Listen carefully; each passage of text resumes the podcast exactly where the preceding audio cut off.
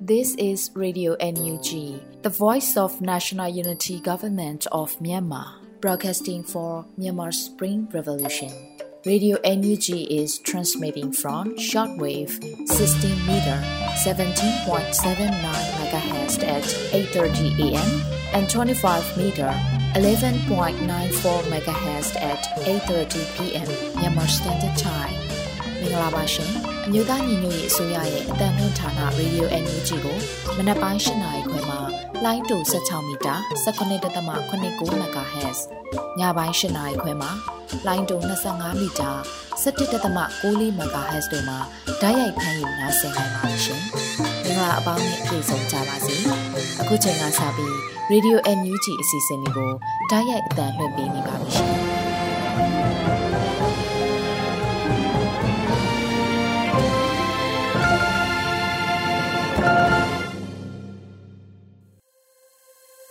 မင်္ဂလာမနေ့ခင်ပါခင်ဗျာတောတာရှင်ပေါင်းဘေးအန္တရာယ်အသွဲသွဲတို့မှကင်းဝေးပြီးကိုရောစိတ်ပါကျမ်းမာကြပါစေကြောင်းရေဒီယို UNG ကဆုတောင်းမေတ္တာပို့တာပါတယ်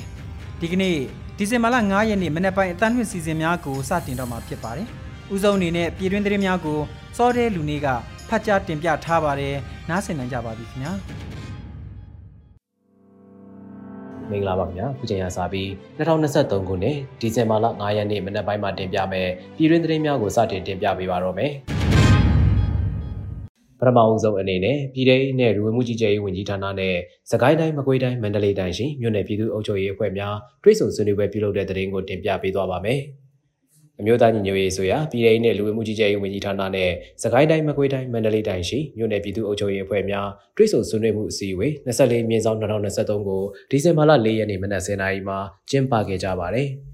အစည်းအဝေးမှာပြည်ထောင်နဲ့လူဝင်မှုကြီးကြပ်ရေးဝန်ကြီးဌာနဒုတိယပြည်ထောင်စုဝန်ကြီးခုတဲဘူးကအဖွဲ့မှစကားပြောကြားပေးခဲ့ပါတယ်။ဆက်လက်ပြီးတွဲဖက်အမြဲတမ်းအတွင်းဝင်မှာလုပ်ငန်းဆောင်ရွက်ချက်များရှေ့လုပ်ငန်းစဉ်များနဲ့ပတ်သက်၍ရှင်းလင်းပြောကြားခဲ့ပြီးနောက်မြို့နယ်ပြည်သူ့အုပ်ချုပ်ရေးအဖွဲ့ဝင်များမှမူဝါဒလမ်းညွှန်ချက်များမြေပြင်အုပ်ချုပ်ရေးဆောင်ရွက်နေမှုများကြုံတွေ့နေရသည့်အခက်အခဲများကိုမေးမြန်းဆွေးနွေးခဲ့ရမှာဝန်ကြီးဌာနတာဝန်ရှိသူများမှပြန်လည်ဖြေကြားပေးခဲ့ပါတယ်။အစည်းအဝေးကိုဒုတိယဝန်ကြီးတွဲဖက်အမြဲတမ်းအတွင်းဝင်ပြည်သူ့အုပ်ချုပ်ရေးဦးစီးဌာန ပြည်သူ့ရဲတပ်ဖွဲ့မိသက်ဦးစီးဌာနလူဝင်မှုကြီးကြပ်ရေးဦးစီးဌာနအထူးစုံစမ်းထောက်လှမ်းရေးဦးစီးဌာနတို့မှတာဝန်ရှိသူများနဲ့စကိုင်းတိုင်းမကွေးတိုင်းမန္တလေးတိုင်းရှိမြို့နယ်ပြည်သူ့အုပ်ချုပ်ရေးအဖွဲ့ဝင်များတက်ရောက်ခဲ့တယ်လို့သိရှိရပါတယ်ခင်ဗျာ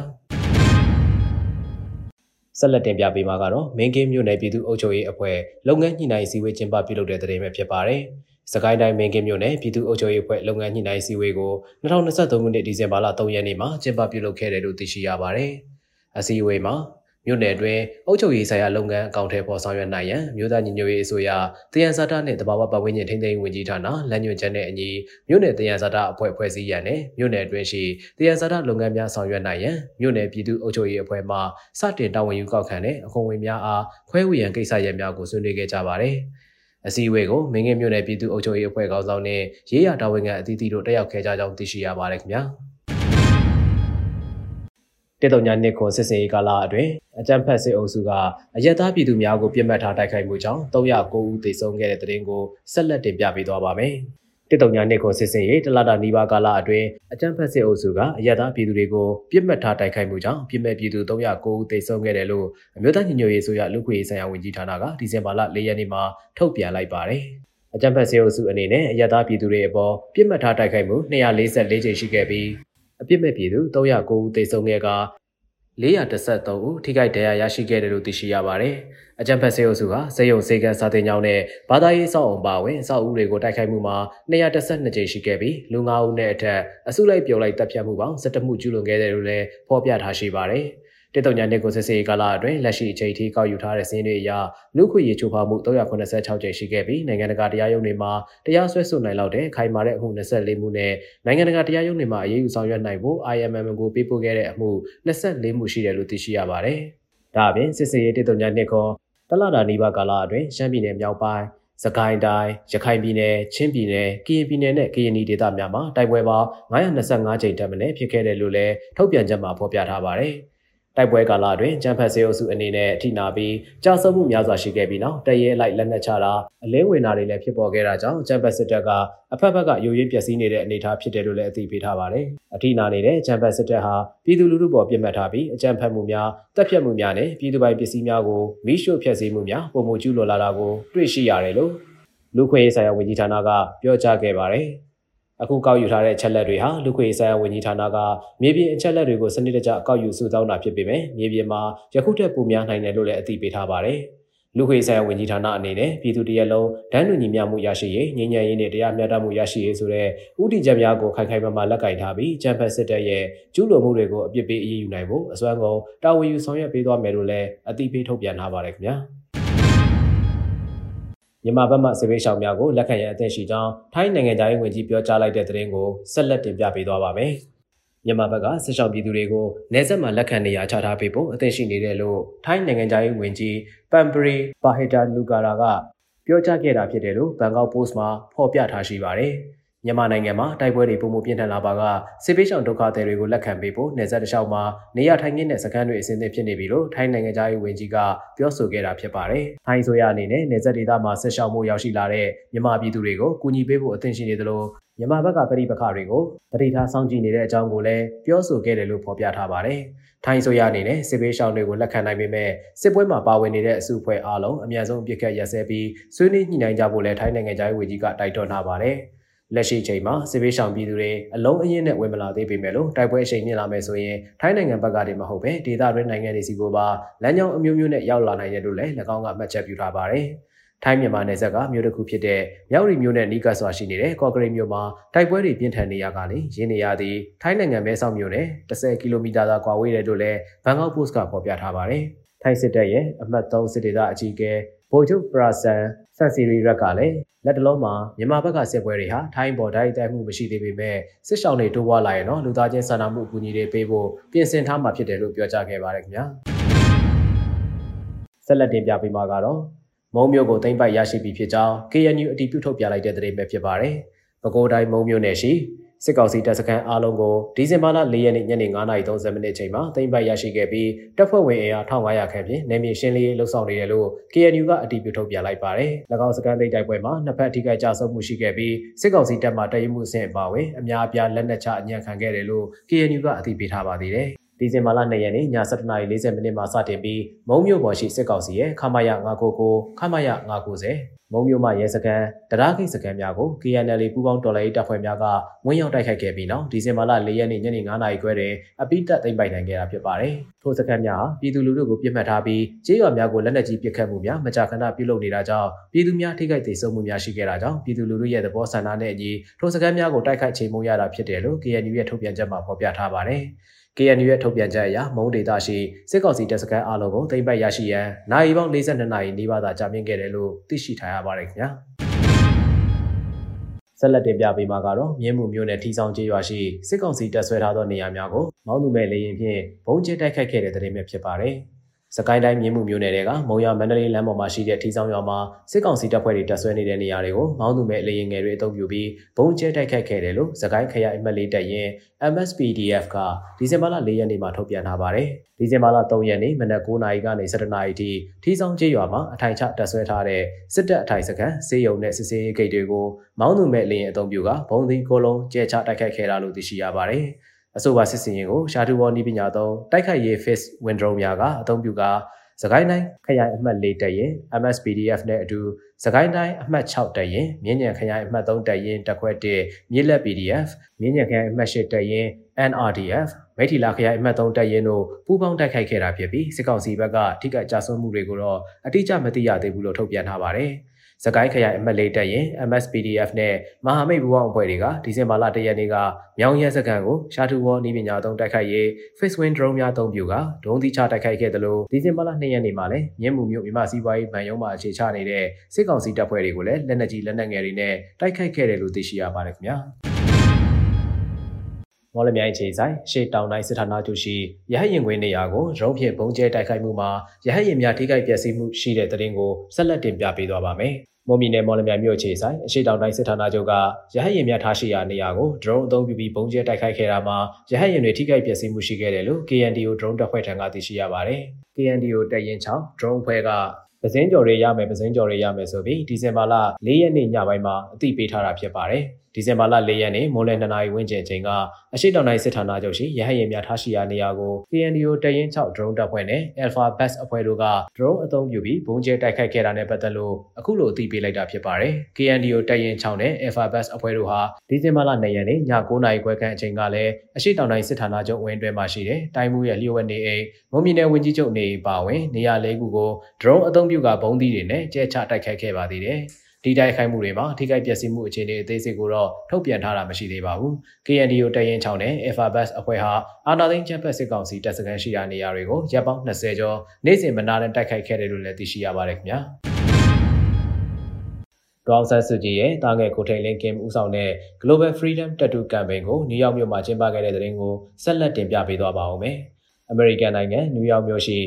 လူကြီးမိဘများနားခွေရခမ်းမှာမှာဒေါအောင်ဆန်းစုကြည်ရဲ့တားငယ်ကိုထိန်လင်းဦးစီးကျင်းပတဲ့ Global Freedom Tattoo Campaign ကို Helping Hands for Burma H2P အဖွဲ့ကစီစဉ်ကျင်းပပေးခဲ့တယ်လို့သိရှိရပါတယ်။ ဒီဇင်ဘာလ3ရက်နေ့နေ့လယ်တနာရီကနေ3နာရီထိကျင်းပခဲ့တဲ့အဆိုပါကမ်ပိန်းကိုဒေါ်ဆန်းစုကြည်ရဲ့တာငယ်ကင် UK နိုင်ငံဆိုင်ရာ NUG ကိုယ်စားလှယ်ဒေါက်တာတက်ကိုကိုအလှမယ်မော်ဒယ်မေမြတ်နိုးတို့က Zoom ကနေတဆင့်တက်ရောက်အမှာစကားပြောကြားခဲ့ပြီးအမှတ်တရတပ်ပုံတွေကိုရိုက်ကူးခဲ့တယ်လို့သိရှိရပါတယ်။ဒါအပြင်ဒါရိုက်တာကိုပေါက်ကလည်း Freedom Tattoo Campaign နဲ့ပတ်သက်ပြီးအမှတ်တရစကားတွေပြောကြားပေးခဲ့ပါတယ်။ အခမ်းအနားမှာ H2B ဖွဲ့ကယာယီတက်တူတွေအပြင်ငကားရုပ်တက်တူပါတီရှပ် hoodies နဲ့တုပ်ဘတ်တွေကိုလည်းရန်မုံငွေအတွက်ရောင်းချပေးခဲ့ပြီးပွဲလာပရိသတ်တွေကိုမြန်မာအစားအသောက်တွေနဲ့ကျွေးမွေးအခမ်းတယ်လို့သိရှိရပါတယ်။၎င်းကမ်ပိန်းမှာလှူဒန်းသူတွေအားလုံးကိုဒေါ်ဆန်းစုကြည်ရဲ့တားငယ်ခင်မြဲလက်မှတ်ပါရှိတဲ့ဂုဏ်ပြုမှတ်တမ်းလာတွေပေးအပ်ခဲ့ပြီးရရှိလာတဲ့ရန်ပုံငွေတွေကို Freedom Tattoo Campaign ကိုပေးပို့လှူဒန်းသွားမယ်လို့သိရှိရပါတယ်ခင်ဗျာ။အခုတင်ပြခဲ့တဲ့သတင်းတွေကိုတော့ Radio NUG သတင်းတောက်ကိုခန့်တဲ့မင်းစစ်သွေးတို့ကပေးပို့ထားတာဖြစ်ပါတယ်။ကျွန်တော်စောတဲလူနေပါ။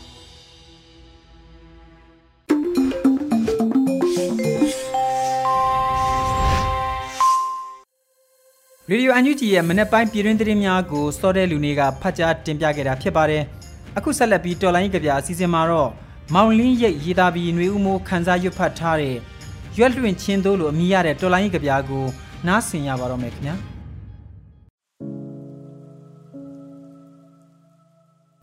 ရွက်လွင့်ချင်းသို့စင်စားလုံးစစ်အာဏာရှင်ခေတ်လွန်ရောက်ပြီလားလို့တနှစ်တုံးစီကထင်မှတ်မှားခဲ့ရင် ကြပြဆရာတယောက်ဟာမိုးရီတဲ့တန်းစီနေတဲ့စားအုံးစီထဲဆရာပလတ်စတစ်ဘူဒဘူဖြစ်နေတော့တာကိုမနေ့ကမိုးတစ်ဖြောက်ဖြောက်ရွာချနေတဲ့ခေမာတီလမ်းမပေါ်မှာတွေ့လိုက်ရမပြီးသေးဘူးဒီနေ့ကိုအိမ်ရှိလမ်းပေါ်ရက်ွက်ထဲကမိန်းမတွေလာကြသွားကြ ရက်နိုင်ပေလောက်ရအောင်မဲ့အကြောင်းပြောကြလို့ခုမှရက်နိုင်ပေတောင်းနိုင်ပေအရွယ်လို့ထင်ရင်တော့မှားမယ်လို့တည်င်းလှမ်းပို့သူရှိတယ်မျိုးကလူတွေသာရက်နိုင်ပေလုံရင်တရွေ့ရွေ့လူတန်းကြီးကိုရွှေလို့ရက်ခံကြငါတို့ရဲ့ညာတန်တွေဟာရက်နိုင်ပေဆိုတဲ့အမှတ်ထက်ဘယ်နဲ့စင့်စီခုံပြန်နေခဲ့ပြီလဲငှက်တွေပြန်နေတဲ့ကောင်းကင်ရန်ကိုတော့ ပိုးဖလန်တွေတက်လိုက်လာနေကြပိုးဖလန်မျိုးမိကိုတူကိုကျိုးငဲ့သူမဟုတ်ချေဆိုတဲ့တန်ပတ်ကိုအတန်ပေါက်အောင်អော်ကြခစ်နဲ့အတူပြေးတဲ့အမှုပညာဟာနောက်ပြန်ပြေးတဲ့ခစ်ကိုငေးရင်ခစ်ဝေးတေးဆူမလားမေးမြန်းကြညာတန်ဆိုတာညာတန်မဟုတ်ကြောင်အတန်နားထောင်ယူနေအသက်ရှူပုံမဝေခွဲနိုင်ရင်အသက်ထွက်ရရဲ့ အဆက်အဆက်ဒေတာကိုသာရွက်လွှင့်လိုက်ပါမိတ်ဆွေမောင်လင်းရိပ်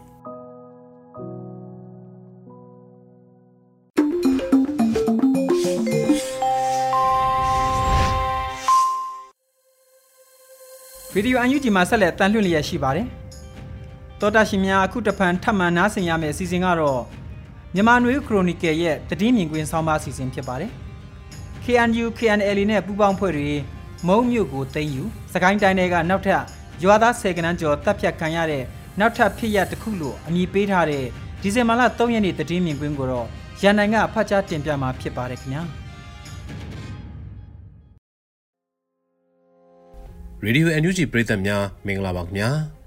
မြန်မာနွေခရိုနီကယ်ဒီဇင်ဘာ3မြင်ကွင်းမိုးမခဆောင်းပါကို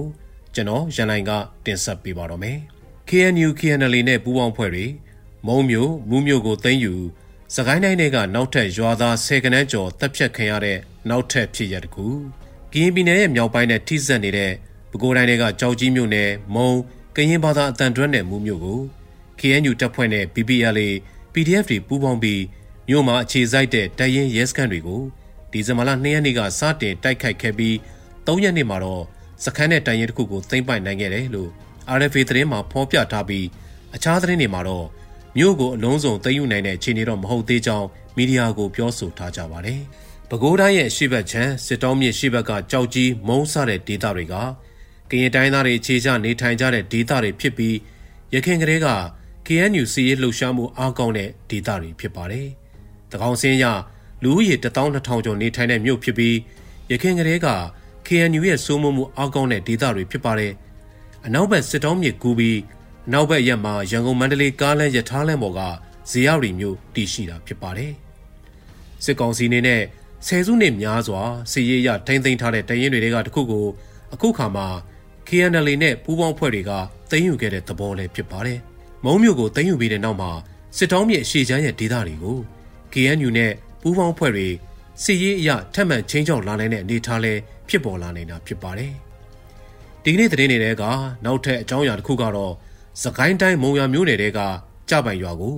အခုရပိုင်းတွင်စစ်ကောင်စီစစ်ကြောင်းဝင်စီးပြီးတော့ကျေးရွာသား90ကျော်ဖမ်းဆီးခဲ့ပြီးတပ်ဖြတ်ခံရသူအမျိုးသား18ဦးထပ်မံတပ်ဖြတ်ခံရပြီး၎င်းတို့ရဲ့ရုပ်လောင်းတွေကိုဖျောက်ဖျက်ဖို့နေအိမ်တွေမိရှုတဲ့အထက်ထဲသွင်းခဲ့တယ်ဆိုတဲ့အစုလိုက်တပ်ဖြတ်မှုနောက်တစ်ခုဖြစ်ပွားခဲ့ပါတယ်။မုံရွာမြို့နယ်6မိုင်သာကွာဝေးတဲ့ကြပိုင်ရွာကိုစစ်ကောင်စီတပ်တွေမနက်ပိုင်းမှာဝင်ရောက်ခဲ့ပြီးသူတို့ဝင်ရောက်လာချိန်မှာထွက်ပြေးဖို့အချိန်မမီလိုက်တဲ့သူ90ကျော်ကို စစ်ကောင်စီကဖမ်းဆီးစစ်မေးပြီးတော့အမျိုးသားတွေတဲကရွယ်ရောက်ပြီးအသက်50အောက်တွေကိုတပ်ဖြတ်ခဲ့တာလည်းဖြစ်ပါတယ်။ဒီဖြစ်ရမဖြစ်ပွားမီရန်နှင်းငယ်အတွင်းကြပိုင်ရွာနဲ့မဝေးတဲ့တောဘူးရွာနီးကစစ်ကောင်စီရဲ့အစီအစဉ်နဲ့ဖွဲ့စည်းထားတဲ့ပြူစောတိပြည်သူ့စစ်အဖွဲ့တွေရဲ့မန္တလေးမုံရွာကားလန်နဘေးအထိုင်စခန်းငယ်တစ်ခုကို PDF တွေကတိုက်ခိုက်ခဲ့ပြီးတဲ့နောက်ရန်နှင်းငယ်အတွင်းမှာအခုလိုစစ်ကောင်စီတပ်တွေကအဆိုပါတောဘူးရွာမှာခြေစိုက်ကြတဲ့ပြူစောတိတွေနဲ့ပူးပေါင်းပြီး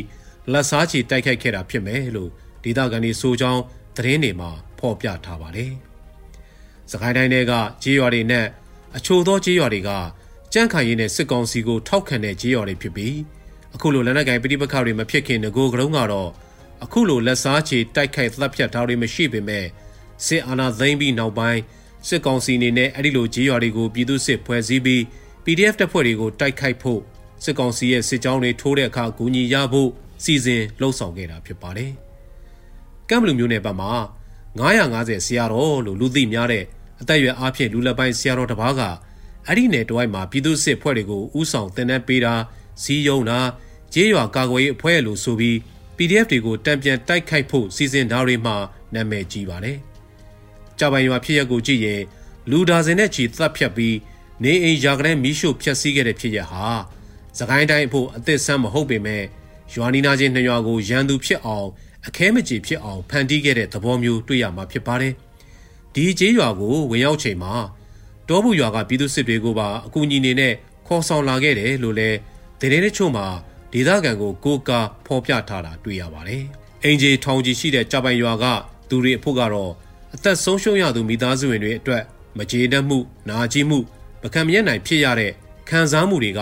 ပျောက်ပြက်ဖို့မလွယ်ကူတော့တဲ့အနေအထားလေးဖြစ်ပါတယ်။စကိုင်းတိုင်းဟာအခြားသောစစ်အာဏာသိမ်းမှုစန့်ကျင်တဲ့လှုပ်ရှားမှုလက်နက်ကင်တိုက်ခိုက်မှုတွေဖြစ်ပွားနေတဲ့ဒေသတွေနဲ့နှိုင်းယှဉ်လိုက်ရင်လက်နက်ကင်ခုခံမှုပြင်းထန်တဲ့ဒေသဖြစ်တာအမှန်ပဲဖြစ်ပါတယ်။အကျယ်ဝန်းအားဖြင့်တော့၎င်းမြို့နယ်အရေးအတွက်အားဖြင့်ကျယ်ပြန့်များပြားတဲ့စကိုင်းတိုင်းမှာနေအိမ်တွေဖျက်ဆီးမခံရတဲ့နေရက်အရက်သားတွေအသက်မခံရတဲ့နေရက်မရှိတော့အောင်တစ်နှစ်ပတ်လုံးသတ်ဖြတ်မိရှုခံနေကြရတာဖြစ်ပါတယ်။ တစ်ဖက်မှာလည်းစစ်ကောင်စီစန့်ကျင်လက်နက်ကိုင်ဖွဲ့တွေကြားစူးစီးမှုနိုင်ငံရေးအရာစည်းလုံးမှုပူးပေါင်းတိုက်ခိုက်မှုအားနည်းနေစေဖြစ်တာတွေ့ရမှာဖြစ်ပါတယ်။လက်နက်ကင်ဖွဲ့စည်းပေါင်းများစွာကမိမိတို့အစီအစဉ်မိမိတို့ခန်းစားချက်နဲ့မိမိတို့ဆုံးဖြတ်ချက်တွေနဲ့တိုက်ခိုက်နေကြတာဖြစ်ပါတယ်။စစ်ကောင်စီစန့်ကျင်အင်အားစုတွေအကြားနိုင်ငံရေးစီရေးအရာပူးပေါင်းဆောင်မှုနောက်တစ်ဆင့်အနေနဲ့ဘုံစစ်စင်ရေးတွေအထိလုံနိုင်ဖို့ကတော့စကိုင်းဒေသအတွက် အရေးကြီးလိုအပ်နေတဲ့အချက်တစ်ချက်လို့ထင်မြင်မိပါတယ်ခင်ဗျာ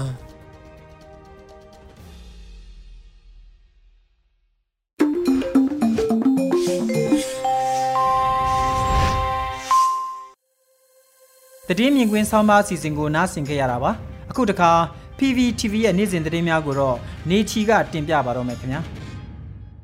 ကိုချိန်ကစာပြီး PPTV သတင်းတွေကိုတင်ဆက်ပေးတော့မှာပါ ကျွန်မနေကြပါရှင်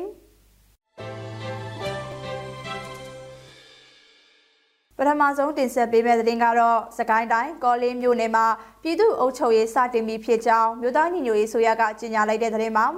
စကိုင်းတိုင်းကောလင်းခရိုင်ကောလင်းမြို့နယ်ကိုဒီကနေ့ဒီဇင်ဘာလ3ရက်နေ့မှာစတင်ပြီးအကြမ်းဖက်စစ်အုပ်စုရဲ့စိုးမိုးထိန်းချုပ်မှုကင်းစင်ကပြည်သူ့အုပ်ချုပ်ရေးစတင်ပြီးဖြစ်ကြောင်းမြို့သားညီညွတ်ရေးဆိုရကကြေညာလိုက်ပါတယ်။ အမတ်တစ်စစ်ဒေသရဲ့ကိုကဲမှုနဲ့ကောလင်းခရိုင်ကာကွယ်ရေးတပ်ဖွဲ့တွေကနိုဝင်ဘာလ6ရက်နေ့မှာပြန်လည်တိုက်ခိုက်သိမ်းပိုက်နိုင်ခဲ့ကဒီကနေ့မှာပြည်သူ့အုပ်ချုပ်ရေးကြေညာလိုက်တာဖြစ်ပါတယ်။ကော်လင်းမြို့နယ်ကခရိုင်အဆင့်အစိုးရဌာနတွေရုံးဆိုင်ရာမျိုးဖြစ်တဲ့အညီအမျိုးသားညီညွတ်ရေးဆိုရရဲ့ဝင်ကြီးဌာနအသီးသီးကလည်းသက်ဆိုင်ရာဝင်ကြီးဌာနရုံးတွေပြန်လည်လဲပတ်နိုင်ရေးဦးစားပေးဆောင်ရွက်နေရလို့သိရပါတယ်။ ဒါအပြင်မြို့သိမ်းပြီးနောက်ရက်ကျေးနဲ့တိုက်နယ်အဆင့်ပြည်သူ့အုပ်ချုပ်ရေးဖွဲ့တွေနဲ့ချိတ်ဆက်ကအစစ်စစ်စီမံကွက်ကဲမှုတွေကောင်းဖို့ဆောင်ရွက်နေရလို့ဆိုပါတယ်။ကော်လင်းမြို့နယ်နေပြည်သူလူထုရဲ့အသက်အိုးအိမ်စီစဉ်ကိုကာကွယ်စောင့်ရှောက်နိုင်ရဲ့အတွက်ပြည်သူ့ကာကွယ်ရေးတပ်မတော် PDF ပြည်သူ့ကာကွယ်ရေးအဖွဲ့ပါကဖပြည်သူ့လုံခြုံရေးအဖွဲ့ပါလာဖာနဲ့ပြည်သူ့ရဲတပ်ဖွဲ့တို့ပေါင်းဆက်ခါစီးသုံးစီးနဲ့တာဝန်ယူဆောင်ရွက်နေတယ်လို့ NUG ကထုတ်ပြန်ချက်မှာဖော်ပြထားပါတယ်။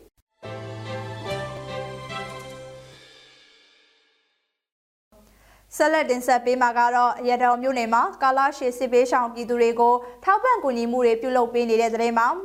စကိုင်းတိုင်းမုံရွာခရိုင်ရတော်မြို့နယ်မှာကာလာရှေကြစွာစစ်ပေးဆောင်နေရတဲ့ပြည်သူတွေကိုထောက်ပံ့ကူညီမှုတွေပြုလုပ်ခဲ့တယ်လို့ရတော်မြို့နယ်ပြည်သူ့အုပ်ချုပ်ရေးဖွဲ့ထံမှသိရပါဗျ။ ဒီလိုထောက်ပံ့ကူညီရမှာအရတော်မြို့နယ်မှာကာလရှည်စွာစစ်ပေးရှောင်နေတဲ့ပြည်သူတွေကိုနွေမာလ23ရက်နေ့မှာထောက်ပံ့ကူညီခဲ့တယ်လို့ကျေးရွာတရွာမှာစစ်ရှောင်လာတဲ့ပြည်သူများအတွက်နွေမာလ24ရက်နေ့မှာစံစီနဲ့ခြနောင်တွေကိုထောက်ပံ့ပေးရခဲ့တာပါအကြမ်းဖက်စစ်တပ်ရဲ့စစ်ကြောင်းထုံးမှုကြောင့်စစ်ပေးရှောင်နေရတဲ့ပြည်သူတွေနဲ့အတူအသက်60ရဲ့အဖိုးကိုနွေမာလ29ရက်နေ့မှာထောက်ပံ့ပေးခဲ့တယ်လို့ဆိုပါတယ်။ ဒီလိုမြေပြင်ကိုတွားရောက်ပြီးထောက်ပံ့ကူညီပေးအပ်မှုကိုမြို့နယ်ပြည်သူ့အုပ်ချုပ်ရေးအဖွဲ့ခေါင်းဆောင်မြို့နယ်လူသားချင်းစာနာထောက်ထားရေးနဲ့ဘေးရန်ဆိုင်ရာစီမံခန့်ခွဲရေးတာဝန်ခံတိုင်းနယ်ပြည်သူ့ကာကွယ်ရေးအဖွဲ့ရဲဘော်တွေကတွားရောက်ပြီးပေးအပ်ဆောင်ရွက်ခဲ့တာပါ။ ဒါအပြင်အရတော်မြို့ပြည်သူ့အုပ်ချုပ်ရေးအဖွဲ့မြို့နယ်လူသားချင်းစာနာထောက်ထားရေးနဲ့ဘေးရန်နယ်ဆိုင်ရာစီမံခန့်ခွဲရေးတာဝန်ခံမှရဲဘော်များအလေးဝင်လာသောစစ်သားများအကျဉ်းသားများအတွက်စောင်းအနှွေးတဲ့ပေါင်းပြီးများကိုထောက်ပံ့ပေးရခဲ့တယ်လို့အရတော်မြို့နယ်ပြည်သူ့အုပ်ချုပ်ရေးအဖွဲ့ထံမှသိရပါတယ်။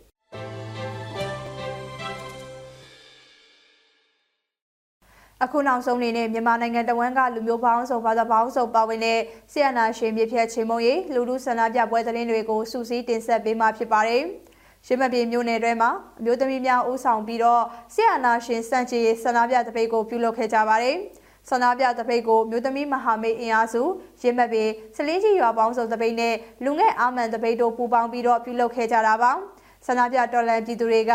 မျိုးသမီးနဲ့မိန်းကလေးများကိုကာကွယ်ဖို့အတူတကပါဝင်ပံ့ပိုးဆိုဆိုတဲ့စာသားကိုကင်ဆောင်ပြီးအကြမ်းဖက်စစ်တပ်ကြာရှုံးရေးဟစ်ကြွေးမှုတွေနဲ့ပြုလုပ်ခဲ့တာပါ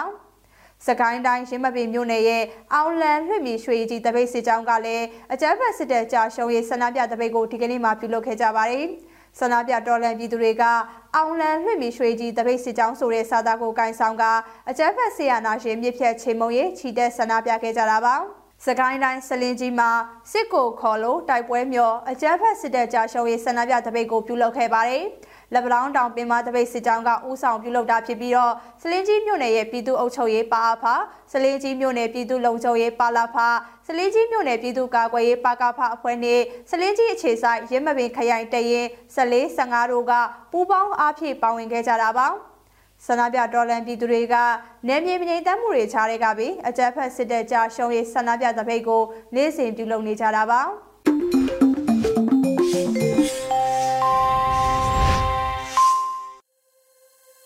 အမျိုးသားညွေရေးဆိုရဆက်သွယ်ရေးတရင်ချက်လက်နဲ့ဤပညာဝန်ကြီးဌာနရေဒီယို UNG ရဲ့ဒီဇင်ဘာလ9ရက်နေ့မနေ့ပိုင်းအတန်လွင့်အစီအစဉ်များဖြစ်ပါတယ်ခင်ဗျာဒီကနေ့ရဲ့နောက်ဆုံးအစီအစဉ်အနေနဲ့နားဆင်ရမှာကတော့တော်လိုင်းတီဂီတာအစီအစဉ်ဖြစ်ပါတယ်တေးရီ Born a Tan တေးဆို Funkulian ရဲ့အာတင်တာဟီလို့အမည်ရတဲ့တော်လိုင်းတီးသချင်းကိုနားဆင်နိုင်ကြပါပြီခင်ဗျာ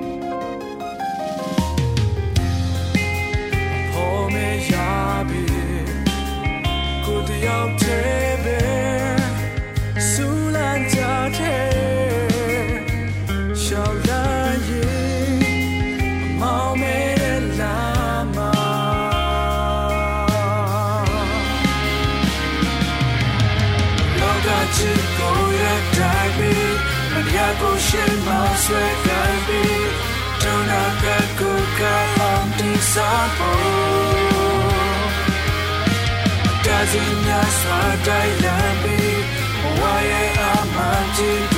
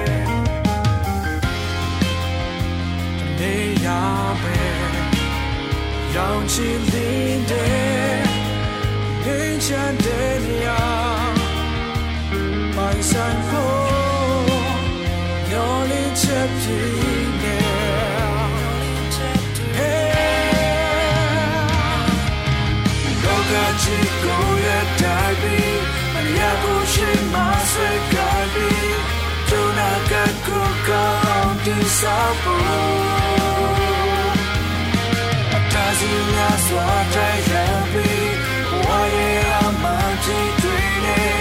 မြေချမ်း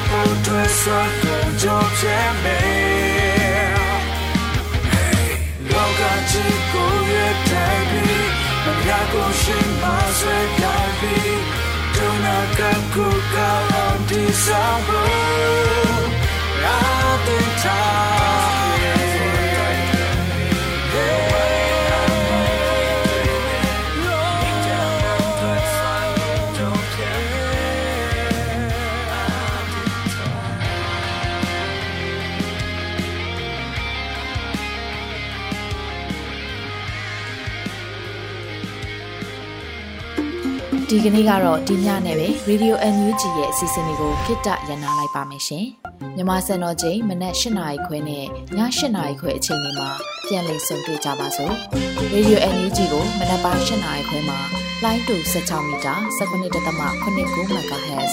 ညပိုင်း၈နာရီခွဲမှာလိုင်းတူ25မီတာ17.6 MHz တို့မှာဓာတ်ရိုက်ဖမ်းလို့နိုင်စေနိုင်ပါပြီ။